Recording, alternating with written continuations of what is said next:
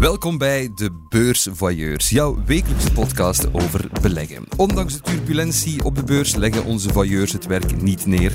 Als koelbloedige verkeersleiders hopen ze ons naar een zonnige beursbestemming te loodsen.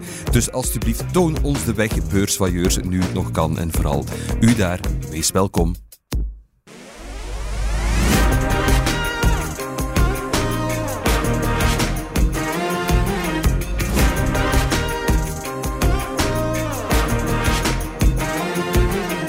Elke week krijg ik het gezelschap van een bekende belegger en van twee beursvoyeurs. En dat zijn deze week Serge Mampai van de Tijd en Frank de Mol van de Belegger.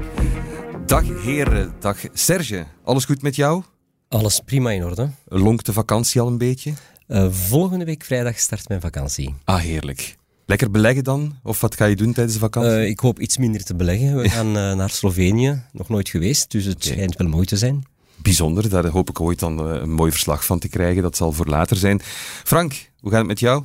Zeer goed, dank u wel. Met de fiets naar hier gekomen? Ja, zoals gebruikelijk. Je ziet dat die, die gloed, dat stralen, dat die gezondheid hier echt ranzig van afspat. Het is heerlijk om te zien, Frank. Betekent dat je er helemaal klaar voor bent, ook neem ik aan. Uh, Absoluut. Oké. Elke week hebben we ook een bekende beursvailleur in ons midden. Een persoon die we niet altijd linken met beleggen, maar daar toch begeesterd mee bezig blijkt te zijn. En vandaag is dat iemand bijzonder. Een conceptueel kunstenaar die er niet vies van is om heilige huisjes omver te schoppen. Er heerst geen hoog of laag of geen echte waarheid in het universum van deze kunstenaar. Benieuwd of dat ook zo in zijn portefeuille is. Welkom, Wim Delvoye. Welkom, dank u. Dag Wim, heel erg fijn om u te mogen ontvangen. Alles goed met u? Ja, goed. Ik ga dat hier proberen, hè, want ik ben maar een amateur. Maar je bent wel een beursfanaat of ben ik het nu iets te scherp aan het stellen? Ik probeer er niet te veel dag per dag naar te kijken maar het interesseert mij wat er gebeurt. Je bent er wel mee bezig? Wel, ik denk dat we allemaal veroordeeld zijn tot speculatie. Wat er nu gebeurt, is al voor eeuwen niet gezien. Wat er nu aan het gebeuren is. Er is een soort globale hyperinflatie. En je ziet dat overal. Ik ben niet speciaal als ik speculeer of als ik trade op de beurs. Dat is iedereen toe veroordeeld. Want hyperinflatie in feite. Ja, maar iedereen is ertoe veroordeeld, zeg je. Dat, dat klinkt wel heel negatief. Dat is een connotatie die je maakt met de beurs. Maar ik weet niet of je het zo sterk hebt bedoeld als ik ben ertoe veroordeeld. Ah, wel, bedoel, iedereen die 18 jaar is, is bezig met uh, crypto. Iedereen koopt nu NFT's. Voor, dat is allemaal aan het krassen uiteraard. Maar alles is aan het krassen. Vroeger, als de aandelen krassen, konden naar de obligaties gaan. Die stegen dan normaal. Ja. En als de obligaties zakken, dan in de aandelen naar boven. Nu alles zakt. Alles, alles zakt. In. In feite ook logisch. Als de, het water zakt, dan gaan alle boten naar beneden. dat is waar. weet je nog wanneer je voor het eerst hebt belegd? Ah, dat was bij uh, de gemeentekrediet van België. En ze zijn, uh, moet uh, opties kopen van de Bel 20. Ja. Maar dan moest je dat niet onmiddellijk betalen. Dat was heel eigenaardig in die tijd. En dan hadden twee dagen tijd om te betalen. Ja. En meestal moest ik niet betalen, want ik ontvang de geld. Dat werd dan al verkocht na één of twee dagen. Ah ja. En dat was zo uh, iemand in de bank die, die dat mij allemaal uitlegde. Ja, dat was allemaal meteen geregeld. Ik heb eigenlijk gewoon grote oren. ja. En wanneer ben je dan echt zelf op individuele aandelen gaan inzetten en zo? Het is gewoon boerenverstand. Dat, wat dat mensen voor gespaard hebben, dat dat volledig waar is. Dat gaat allemaal ontwaard worden, dat gaat allemaal niets niet meer waard zijn, omdat er geen controle is op de hoeveelheid van dat geld. En dat is nu globaal, dat is niet meer uh, Duitsland en Hongarije in de jaren twintig. Dat is nu overal in de wereld zo te zien. In China hebben ze maar een inflatie van 2%, 2,10%. Dus die zijn goed. Maar wij zijn echt bezig aan een val die, ja, waar we niet meer van gaan terug recht kunnen krabbelen. Of toch niet voor een generatie. We zijn al ongelooflijk goed op dreef, eh, Wim, maar eh, Wanda zal u straks met nog meer vragen bestoken. Hier en daar ook wat ongepaste vragen, dat kan ik nu al melden. Maar we gaan er eh, vooral aan beginnen en dat doen we met de beursblik. De beursblik. In de beursblik komen we te weten wat onze beursvailleurs graag rond tafel is met ons willen bespreken. Wat bezorgt hen mogelijk kopzorgen of waar liggen ze misschien zelfs een beetje van wakker? Ik hoor het allemaal graag. Serge, wat heb jij meegebracht? Wel, ik heb een, uh, een fenomeen meegebracht dat we de laatste weken zien, namelijk de zeer snelle prijsdaling. Dus geen inflatie meer in dat segment. De prijsdaling van vele grondstoffen in heel korte tijd. Uh, zeker op de metaalmarkten. Grondstoffen zoals uh, koper, aluminium, ijzererts, zink zijn meer dan 20% teruggevallen. Hoe komt dat? Uh, de recessievrees, absoluut. Hè. Uh, iedereen vreest dat er een recessie uh, in het Westen aankomt.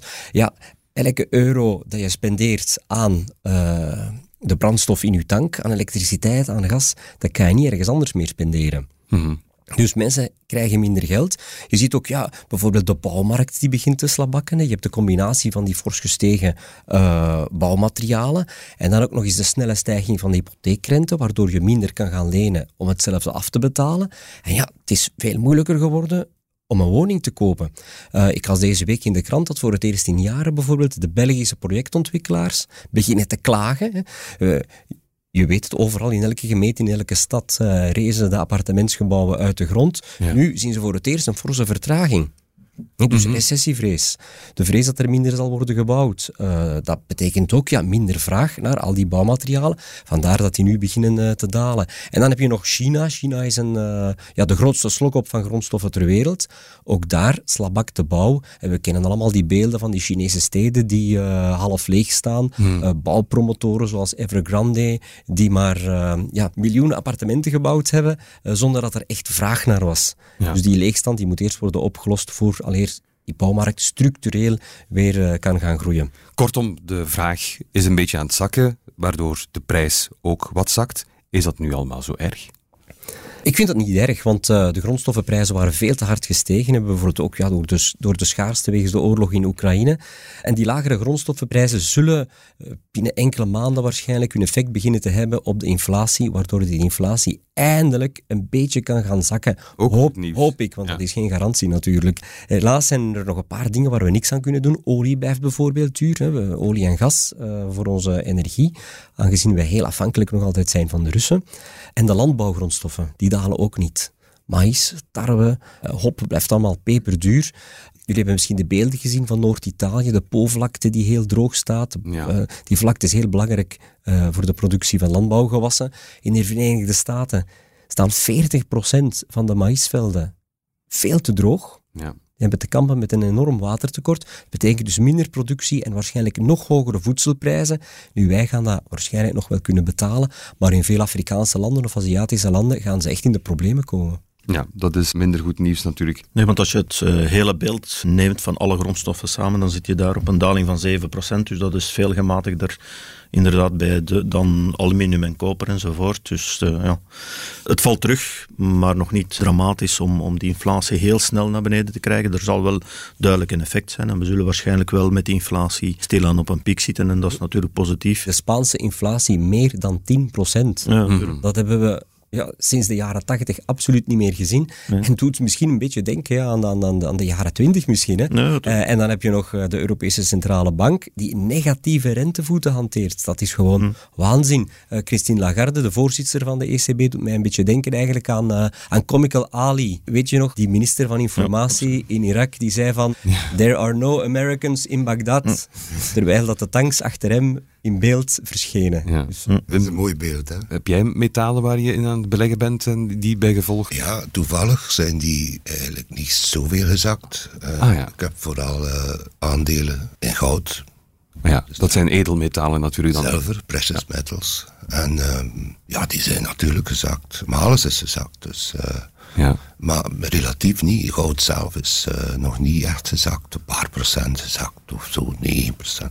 Het is ook te zien in welk land dat je woont. En uh, goud is 75 procent gestegen als je in Turkije zit. Met, Ja. met Turkse lira. Dus in superveel landen is goud al verdubbeld. Dit jaar. Gewoon al door de, door de problemen in de wereld. Ja. Dus uh, hout is ook niet voor uh, geld aan te verdienen. Dat is alsof een verzekering. Hoopt toch ook niet dat u brandverzekering nodig hebt. Maar de edelmetalen blijven overeind, dat is goed om te weten. Ja, uranium. Ook, eh, uranium ook. eh, uranium is Ja. uh, stijgen. ja. ja, we moeten terug naar kernenergie Ja, natuurlijk. ik, ik, ik, ik zag de link al een beetje. En fosfaat en kalium, die zijn allemaal verdriedubbeld. En het aandeel van die metalen, gaat dat samen met de prijs naar beneden nu? Of, of is dat niet zomaar de, de logica die we moeten doortrekken? Ja, de, de mijnbouwaandelen, zeker uh, specialisten bijvoorbeeld in koper, uh, ijzererts, die zijn wel gevoelig gecorrigeerd. We spreken hier toch over dalingen van ook uh, ja, meer dan 20 procent sinds hun piek voor bedrijven als BHP Groep, Rio Tinto enzovoort. Oké, ik ben benieuwd wat Frank meegebracht heeft. Uh, wel, ik heb de telecomsector meegebracht, hè, want de telecomaandelen in België stonden vorige week aanzienlijk onder druk door de komst van een uh, vierde speler. Hè. Er was, is al lang sprake van, maar dan verdween het toch wel wat naar de achtergrond. Maar opeens is er dan toch een vierde speler.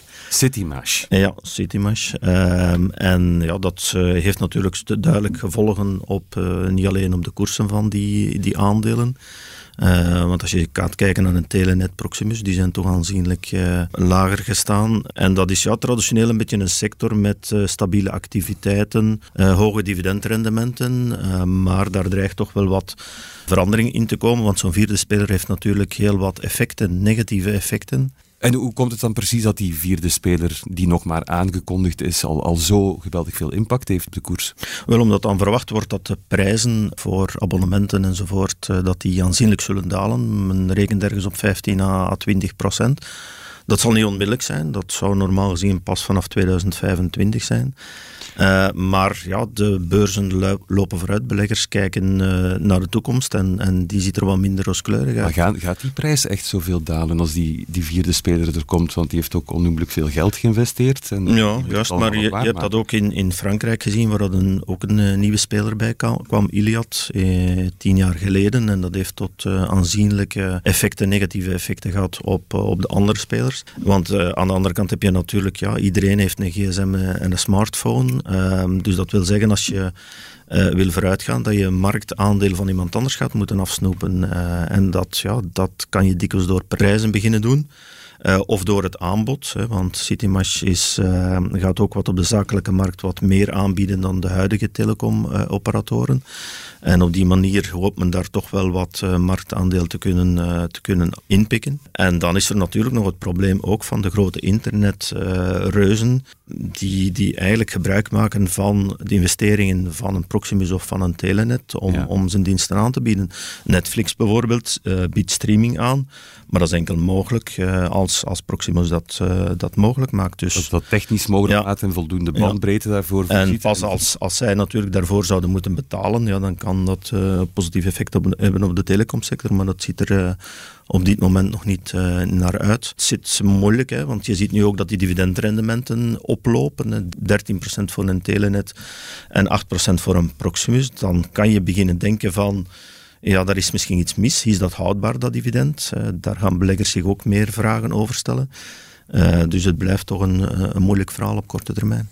Wat denk jij? Wat, uh, Serge, wat moeten nu de goede huisvaders met die goede huisvaderaandelen precies doen? Wachten? Rustig blijven? Wel, ik denk dat de koersen al voor een heel groot stuk rekening houden met uh, die vierde speler en een vertraging van de inkomsten. Als je ziet naar een, een, een Telenet of een Proximus, die aandelen zijn ja, meer dan 60% gezakt. Ja. Het dividendrendement, denk ik, staat uh, het komende jaar nog niet onder druk. De jaren daarachter, mm dat is een ander verhaal. Ik denk dat het te laat is om ze te verkopen, maar om nu onmiddellijk te zeggen van ik zou die kopen, dat zou ik nu ook niet doen. Nee. Ja. Nou, meestal als het sentiment ten opzichte van een aandeel negatief is, dan werkt dat meestal een tijdje door. Uh, en dat zal bij Telecom ongetwijfeld het geval zijn. En zoals Serge aangeeft, uh, zijn inderdaad uh, aanzienlijk gedaald. En daar loop je nu een beetje achter de feiten aan. Dat is een feit. Zit jij nog niet in de telecom, Wim? Ik weet er niks van. Nee. Oké, okay, niet kopen. Ik geloof niet dat je moet diversifiëren.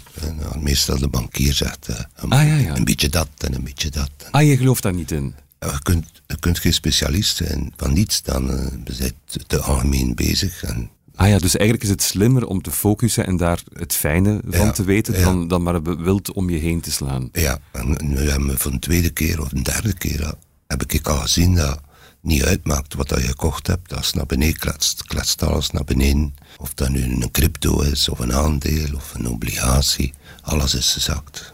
Dat, dat spreekt een beetje tegen jullie winkel, maar dat is met mijn eenvoudig boerenverstand enorm veel logica in. Nee, nee ik, ik, denk dat er toch grote verschillen zijn. Bijvoorbeeld, ja, cryptomunten, niemand kan daar een prijs op plakken. Eigenlijk, die intrinsieke waarde volgens mij is nog altijd 0,0 van eender welke crypto. En, en, en NFT, ja. Uh, wat is het verschil tussen, tussen een NFT en een foto? eigenlijk. En NFT betalen, betaalden ze heel veel eh, geld voor. Nu is dat volledig geïmplodeerd. Nu met een aandeel, zeker als je een solide aandeel hebt, een solide bedrijf met cashflows, uh, een goede historiek, goed geleid, dat komt wel terug. Van al die cryptomunten durf ik dat zeker niet zeggen. Nog niet, nee. Wim, wat heb jij voor ons meegebracht uh, voor de beursblikken? De, de, volledige krant zie ik en nog de juiste ook, dus dat, dat is goed, dat is een mooi begin. Zalmroos, hè. Ja. Uh, de veilige havens moeten nu door de beursstorm loodsen. De beredenering is goed, hè. dat zijn inderdaad de beste bedrijven, dat is de beste keuze. Maar ik zou nu niks doen. Ik bedoel, je moet je hoofd stellen aan ja. waar je geschoren wordt. Ja, dat is een mooi, uh, mooi metafoor. Iedere keer dat nu nog stijgt, hè, dat mensen zeggen, ja, het is bodem, het is bodem. En dan krijgen ze FOMO, dan gaan ze er weer allemaal in. En dan gaan ze natuurlijk alle aandelen weer kopen. En dan moet je van profiteren om duwen te verkopen, want dat komt niet meer terug. Of toch niet voor in zo'n korte periode. Ja. ja. zeker een jaar of twee duren. Ja, dat is niet de meest hoopvolle boodschap natuurlijk. Maar Serge, waar ging concreet echt jouw artikel over?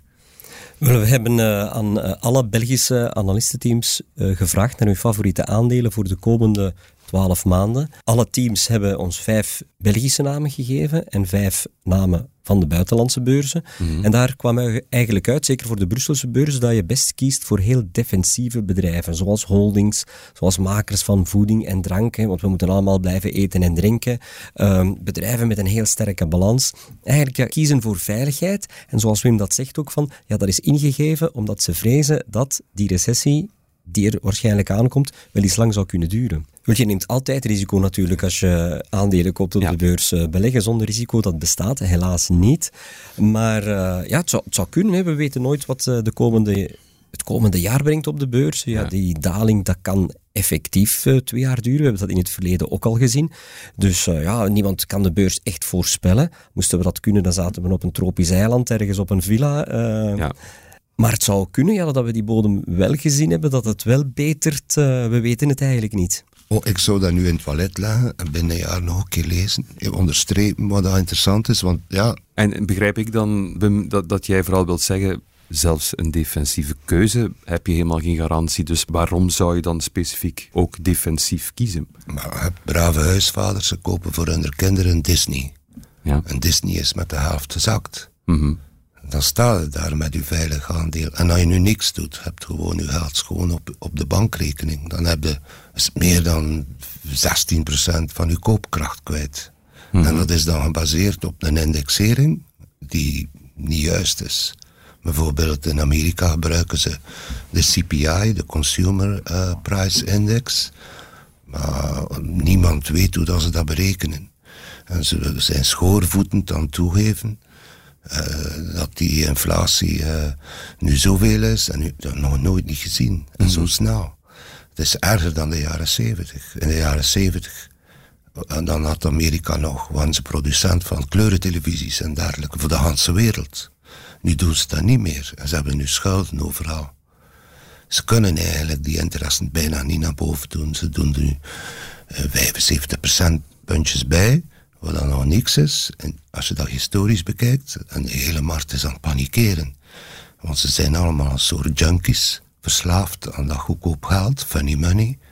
En nu ineens, Paul wil dat heel lichtjes, heel lichtjes verminderen. Mm. Want ik kan dat ik kan die percentages bijna niet naar omhoog doen. Ik kan niet, want de grootste schuldenaar is de Verenigde Staten zelf. Iets anders dan? Eh, heeft het dan zin als al de rest eigenlijk niet al te betrouwbaar is in kunst investeren? Alles die niet centraal geleid is, is nu redelijk goed. Dat kan antiquiteiten zijn, kunst, uh, maar ook bijvoorbeeld goud. De hoeveelheid van goud is niet uh, geregeld door een overheid. Alleen. Hmm.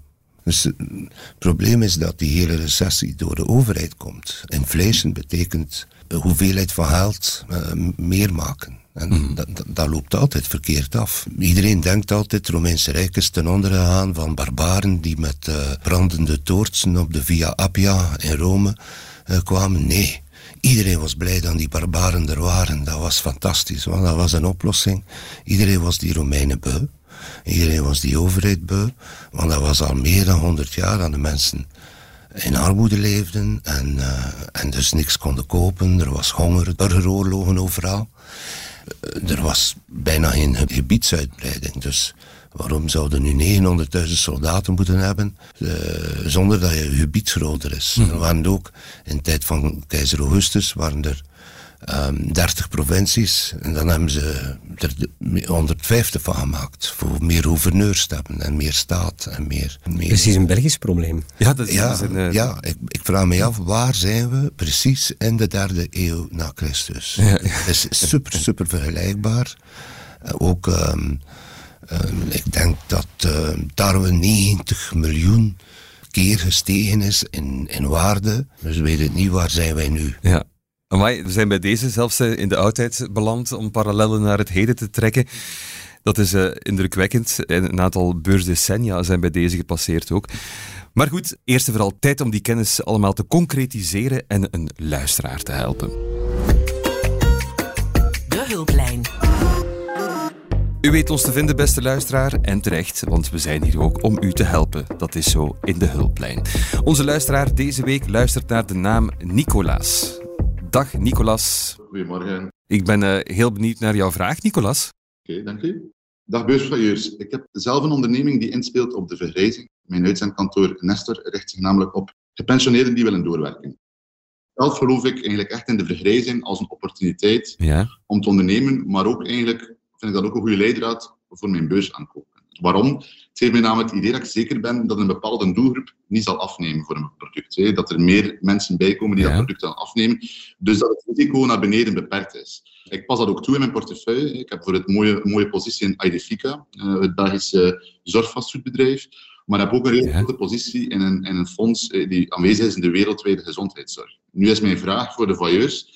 Welke kansen biedt de vergrijzing nog op de beurs? Zijn er bepaalde aandelen die daar kunnen van profiteren? En zijn er nog bepaalde ja, opportuniteiten waar ik kan op inspelen? Interessante en heel terechte vraag, Nicolas. Frank? Ja, er zijn natuurlijk verschillende bedrijven die uh, daar kunnen van profiteren. U heeft het al aangehaald, een Idefica. Uh, in dezelfde categorie kunt je ook een care property uh, gaan, gaan bestempelen, of een Cofinimo die sterk aanwezig zijn in, in care property dan assistentiewoningen en Cofinimo zorg vastgoed. Dus dat zijn mogelijkheden. Daar moet je natuurlijk ook rekening houden met de factor uh, rentestijging, die altijd wat negatief uh, effect heeft op uh, vastgoedaandelen in het algemeen. maar je kan vergrijzingen natuurlijk veel breder open gaan trekken. Denk maar aan de farmasector. Mensen leven langer. Er is ook meer nood aan behandelingen, pilletjes voor, voor alles en nog wat. Uh, mensen worden ook veel mobieler, hè, hebben meer vrije tijd, kunnen langer, zijn langer mobiel. Denk aan fietsen, elektrische fietsen. Uh, ook, ook bijvoorbeeld ja, mobiloons die, uh, mm waarmee de mensen nog op, op reis kunnen. Dus dat een bedrijf zoals een Trigano die, daar kan, die daarvan van profiteert. Dus je hebt eigenlijk op heel wat vlakken bedrijven die uh, rechtstreeks of onrechtstreeks uh, profiteren eigenlijk van de, van de vergrijzing. Ben je ondertussen aan het noteren de hele tijd, Nicolas? Ja, ik ben al een paar, uh, paar namen aan het opschrijven voor dat is goed. Dat is goed. Als het te snel gaat, moet je het zeggen, hè, dat je rustig kan bijhouden. Maar ik zal even ook naar Serge gaan. Want ja, die, is, is dat een slimme strategie? Er is natuurlijk vergrijzing. welke impact heeft dat eigenlijk op de beurs? Er is zeker vergrijzing, maar dan enkel in het Westen. zeker in Europa, Japan, uh, de Verenigde Staten beginnen nu ook uh, last te hebben van een uh, ouder wordende bevolking. Maar in landen bijvoorbeeld in Afrika en Congo is er echt nog een bevolkingsexplosie aan de gang. Mm daar zijn de jongeren aan de macht. Bedrijven die van de jongeren profiteren bijvoorbeeld, er is het Belgische Texaf. Hè. Zij openen nu een, een, een hele digitale stad eigenlijk in Kinshasa, waar de jongeren gaan studeren en ja, hopelijk iets kunnen bijdragen aan de groei van die landen. Ja. Maar de vergrijzing op zich natuurlijk, ja, in het Westen is dat zeker belangrijk. Uh, pensioenen gaan altijd moeilijker betaalbaar worden. Want uh, ja, in België hebben we het feit dat die pensioenen betaald moeten worden door de werkende bevolking. Als je minder werkenden hebt ja, en meer gepensioneerden, is het automatisch dat ja, dat financieringsmechanisme in de problemen gaat mhm. komen. Het zal mensen doen beseffen dat ze nog meer moeten gaan sparen voor hun pensioen, zelf meer moeten gaan sparen. En dat is uiteindelijk ook goed uh, voor de beurs. Ja. Nicolas, uh, loopt het goed allemaal? Kan je nog volgen? Ja, zeker. Ik vind het een goede tip om een beetje te diversifieren naar de, naar de jongere doelgroep ook toe. En, en ik ga zeker Texaf ook eens verder onderzoeken. Oké. En, en bijvoorbeeld, ja, zoals Frank zei, de farmasector, uh, daar zijn de mogelijkheden enorm. Hè. Zeker uh, in specialisten in ouderdomsziekten. Mm. Ik denk bijvoorbeeld aan diabetes, een van de ziektes die het snelst groeit in de wereld. Je hebt daar bijvoorbeeld in Denemarken, een van de grootste Deense bedrijven, Novo Nordisk, gespecialiseerd in uh, diabetes. Dexcom, die maken apparatuur om um, je suikerspiegel te meten. En pompjes om automatisch insuline uh, ja. in je lichaam te injecteren. Ja. Dat zijn allemaal heel mooie bedrijven. Of in hartziekte bijvoorbeeld. Boston Scientific. Uh, Als je ouder wordt, krijg je automatisch, uh, ik hoop voor de meeste mensen niet, maar toch een groter deel van de bevolking wel, automatisch problemen met het hart. Hè. Je gaat een stent moeten plaatsen. En, ja, dat weet ik nog allemaal. Die bedrijven profiteren daarvan. Maar je moet natuurlijk altijd kijken naar de waardering op dat moment van elk individueel aandeel. Dus om te kijken of dat nu opportun is om daarop in te stappen. Maar er zijn inderdaad een aantal uh, goede voorbeelden ervan. Speel jij daar wel eens op in? Ja, in 2008 dacht ik te spelen met vergrijzing, maar toen zaten we met hetzelfde probleem als vandaag. Van ja, maar ja, uh, hoe, hoe dakt u in tegen uh, wat dat er maar het ging niet goed hè, in 2008. Ja. En dan had ik een paar aandelen, maar ben die nu, nu vergeten. Die zitten op de Nasdaq, je kunt die terugvinden. Ja. En dat zijn kerkhoven. Want er wordt evenveel doodgegaan in de crisis, in de recessie, als in boomtijd. boomtijd. Dus uh, uh, in Amerika en de Filipijnen. Uh, dat zijn twee landen waar de, begraafplaatsen gerund worden door professionele bedrijven of individuen. En ehm, wij, zijn, wij vallen onder de Napoleon-wetgeving, dus uh, dat is een exclusiviteit, een monopolie van, van de staat. Ja. Maar je kunt dus op de Nasdaq uh, kerkhof-aandelen kopen. Nicolaas, dat waren toch heel wat reuze tips. Met op de ja. valreep ook nog bij investeer in Filipijnse begraafplaatsen. Dat ga ik zeker eens opzoeken, dat bedrijf. Dat zou ik toch wel, wel eens doen. Dat is een, eh, een extra gouden tip erbij. Was dat een bevredigend antwoord voor jou, beste Nicolas? Ja, zeker. zeker. Ik heb heel wat ideeën om uh, verder te onderzoeken. Dus daar ben ik zeer blij mee. Uitstekend. Veel succes met uh, het, het, prachtige Nestor en met alles wat je nog zal ondernemen. En bedankt vooral voor jouw vraag, Nicolas. Tot de volgende keer. Hè? Bedankt. Dag. Dag. En dan is het nu tijd om in eigen boezem te kijken of ja, in, in eigen portefeuille. Laten we er redelijk over zijn. We zijn heel erg benieuwd wat er allemaal in te vinden zal zijn in die portefeuille van Wim Delvoye.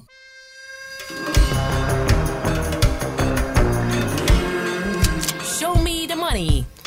Show Me the Money, het gedeelte van de show waar onze vragencomputer Wanda Buffett het helemaal overneemt en zelfs ronduit de show komt stelen. 20 vragen steken in Wanda verstopt. Het is heel eenvoudig, Wim. Je zegt gewoon een cijfertje van 1 tot 20. Daar wordt een vraag door opgeroepen bij onze goede vriendin Wanda Buffett. En dan uh, zijn we benieuwd naar jouw antwoord. Wil je al eens proberen? Zes. Zes. Van welke gemiste belegging heb je het meeste spijt? Ja, zo is ook wel Wanda meteen een vraag stellen waarbij ze ook op een zere plek gaat drukken. Het antwoord op die interessante vraag van Wanda horen we zo meteen van Wim na dit. Kunstenaar Wim Delvoye is hier vandaag te gast in onze podcast. En we waren net aanbeland bij de eerste vraag van Wanda. Van welke gemiste belegging heb je het meeste spijt? Een kans dat ik gemist heb. Ja, uh, ja weet je, het is meestal zo. Ik, ik, kijk alleen maar wat ik heb. En als het dan stijgt, zeg ik: verdomme, waarom heb ik er niet meer van gekocht? Ja. Waarom was ik zo voorzichtig? Het is meer over conviction. Ja. En. Uh, soms denk je, ja, dat is een goed idee, maar dan zit daar niet, stikt er daar niet veel in. En natuurlijk, als het, als het zakt, zijn de blij dat je voorzichtig was. Ja, maar als je ergens een aandeel ziet waarvan je misschien nog getwijfeld hebt om het al dan niet te kopen, en plots stel je vast van, oh, dit, dit, dit gaat echt helemaal door het plafond. Ja, dat heb je met huizen. Uh, heb de huis bekeken, heb het niet gekocht. En maar passeert dan nog langs. En ziet die mensen daar verbouwen en, en, ziet daar die kraan staan, die een container. En dan zegt hij, verdomme toch, waarom was ik zo voorzichtig? Ja. Waarom heb ik dat huis niet gekocht? En daar heb ik niet meer aandelen. Uh, dat zie je niet meer. Dat passeert dan niet meer in de auto. Dat, dat ja, niet. dat aandelen nog een keer ziet. Dus dat is zo makkelijk iets dat je mist. Heb er nog aan gedacht. Weet je wat moeilijk is? Dat is iemand anders zien die het gedaan heeft. Ja. Dat is... Uh, ja, en die buift dan terwijl je voorbij rijdt voor zo'n prachtige gevel. En je denkt van... Ja, ja, hij kent die mensen niet, man. nee, nee, nee.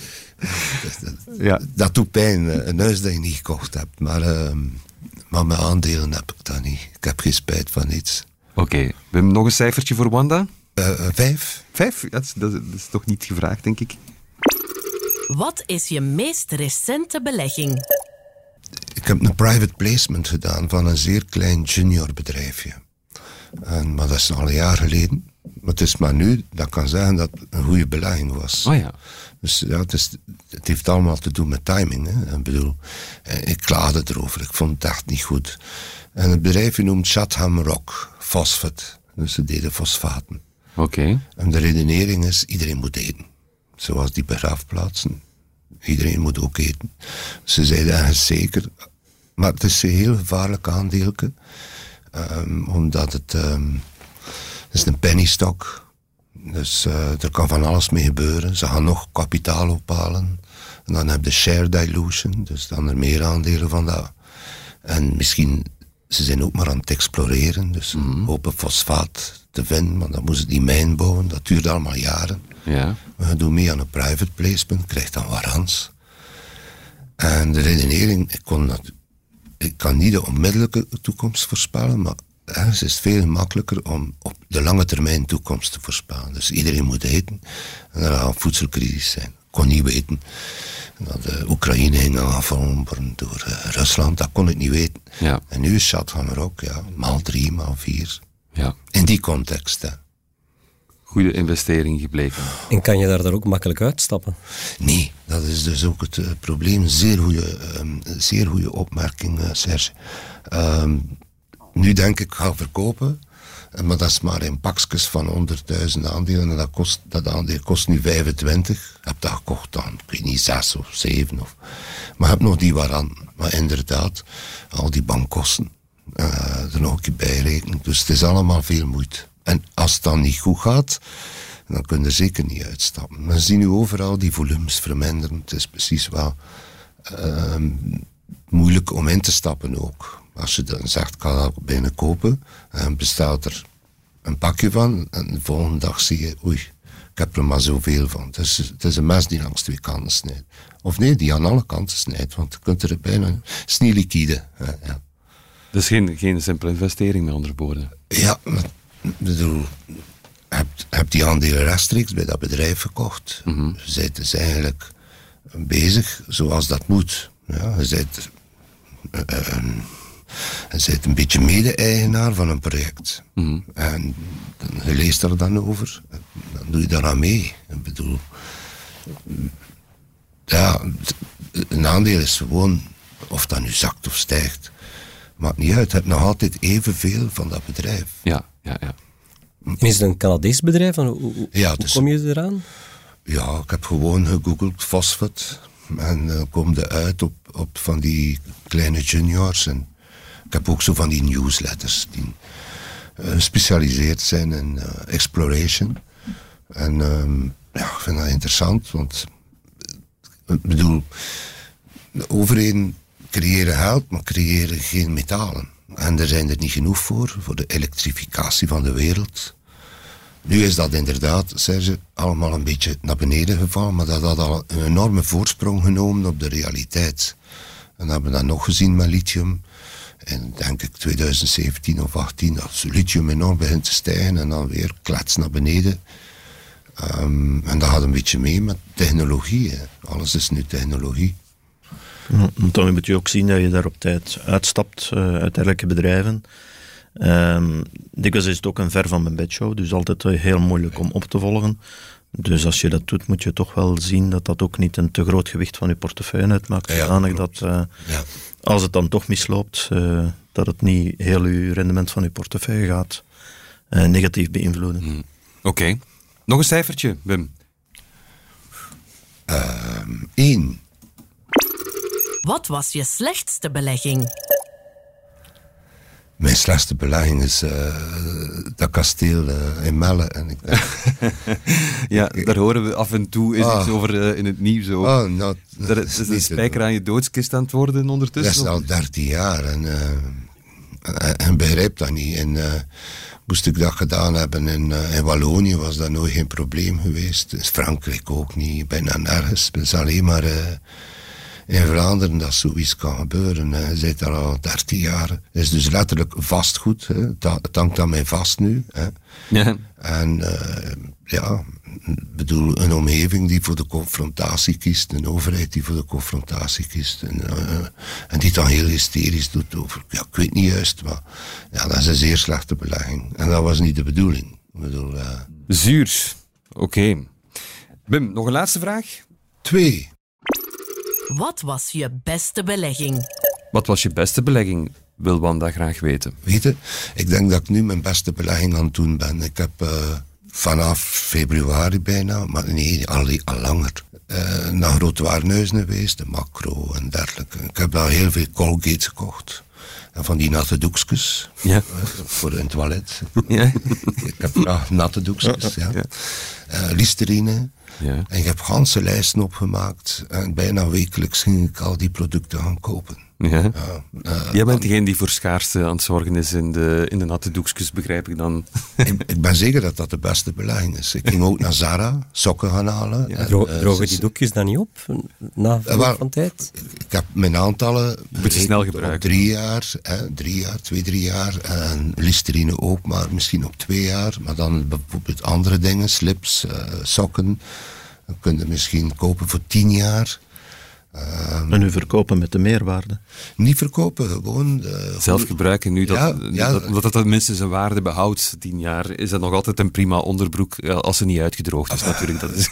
Ze, gaan meer, ze gaan meer stijgen dan al die aandelen, ja. denk ik. En dan zeg je zeker, als het een keer niet stijgt, dan kunnen we dat nog altijd gebruiken. Het is van u. Ja. Um, maar wat dat... Ja, bedoel, ik, ik denk dat we nog maar aan het begin zijn van een inflatie dat dat steeds meer gaat, gaat zijn. Ik heb dat gezien ook in, uh, in Iran, waar dat uh, moest om 11 uur bij de kapper zijn. En dat ging, ja, ik weet niet meer, een paar miljoen toman kosten. Maar ik was te laat. Ik was na 12 uur en de nieuwe tarieven waren binnengekomen. En mijn, uh, mijn haar, ik moest daar 10% meer toman betalen. En mm. ik vroeg of het goed was, want ja, ik was te laat. Dus na rond 12 uur worden de nieuwe prijzen berekend. En die mensen moeten dan leven met miljoenen toonman, met grote pakken papier. Ja. En dat wordt dan iedere keer, want die toonman, dat was al... Eerst eten dat de rial, en dan moesten zoveel nulletjes afdoen. En je ziet dat gebeuren overal. Je ziet dat in Turkije gebeuren. Mm -hmm. Je ziet dat uh, bij ons in beperkte mate gebeuren. De enige munt die eigenlijk gestegen is, is de roebel. is 30% gestegen. Ja. Um, wij zijn misschien ook al, ik weet niet hoeveel procent gezakt. We zijn dit jaar ten opzichte van de Corfa-munten. Zijn we... Ik denk ten opzichte van de dollar zitten we rond 8, 9 procent mm. minder. Voilà, dat is, dat is veel. Ja. En doordat alle grondstoffen in dollar worden uitgedrukt, is dat dus ook weer zoveel minder koopkracht. Dus ja. Ik weet er niets van. Er zullen zeker fantastische, geniale aandelen zijn. Want ja. je zit aan je computer, spannen wat gaat dat doen. En het is iedere dag iets anders. En dat is allemaal emoties dat je best mist nu. En, uh, um, en, ik denk dat je beter, meer begrijpt van natte doekjes. Ja, ik vind het prachtig ja, advies om nog op de valreep mee te geven. Investeer in iets waarvan je weet dat het te bewaarde behoudt. Desnoods zijn het natte doekjes. Laat ze vooral niet uitdrogen natuurlijk. En, de slipjes van de Zara. En de slipjes uh, komen ook altijd van pas. Wim, ik denk dat we ontzettend veel pieren uit jouw neus hebben weten te krijgen. En uh, super bedankt voor al die inzichten die je met ons hebt gedeeld. Het is tijd om de portefeuille te sluiten. Eens kijken wat er volgende week te gebeuren staat. De blik vooruit. Blik vooruit dus, uh, spreekt voor zichzelf. Serge, waar kijk jij naar uit voor volgende week? Wel, het is eigenlijk op iets kortere termijn, namelijk uh, vrijdag al, uh, het Europese inflatiecijfer. nu, strategen verwachten dat die gaat stijgen van 8,1 eh, naar 8,3 procent. Dus een heel, heel beperkte stijging. Maar als we die cijfers van uh, ja, ja, toch de laatste weken, de laatste dagen zien, dan denk ik dat we daar zelfs boven zullen gaan. En dat ja, de Europese Centrale Bank altijd in oudere schoentjes komt om dat belachelijke beleid van negatieve rentevoeten toch uh, heel snel gedaan te maken. Oké, benieuwd. Wat denk jij spontaan aan, Frank? Ik kijk ook op uh, iets kortere termijn, omdat ja, het resultaatseizoen dat is nog een beetje wachten, nog iets te vroeg. Uh, maar er is wel één bedrijf, technologiebedrijf, Micron Technology, die met cijfers komt. En dan gaan we toch een beetje een beeld krijgen hoe dat het er in de PC en de smartphone sector aan toe gaat. Dus dat is toch wel belangrijk om in doog te houden. En dan dichter bij huis, Hyloris. Dat is een bedrijf dat uh, medicijn, bestaande medicijnen herformuleert. Uh, daar is er een beslissing van de FDA te verwachten of dat de pijnstiller uh, of een pijnstiller uh, goedgekeurd wordt, al dan niet. Dus dat is toch wel iets zeker om naar uit te kijken. Oké. Tot slot, Wim, waar kijk jij nu op korte termijn naar uit? Ik zo. Oké. Vakantie misschien? Ja. Ja, een beetje zen zo. Ja, een beetje zen. Het is iedereen meer dan van harte gegund.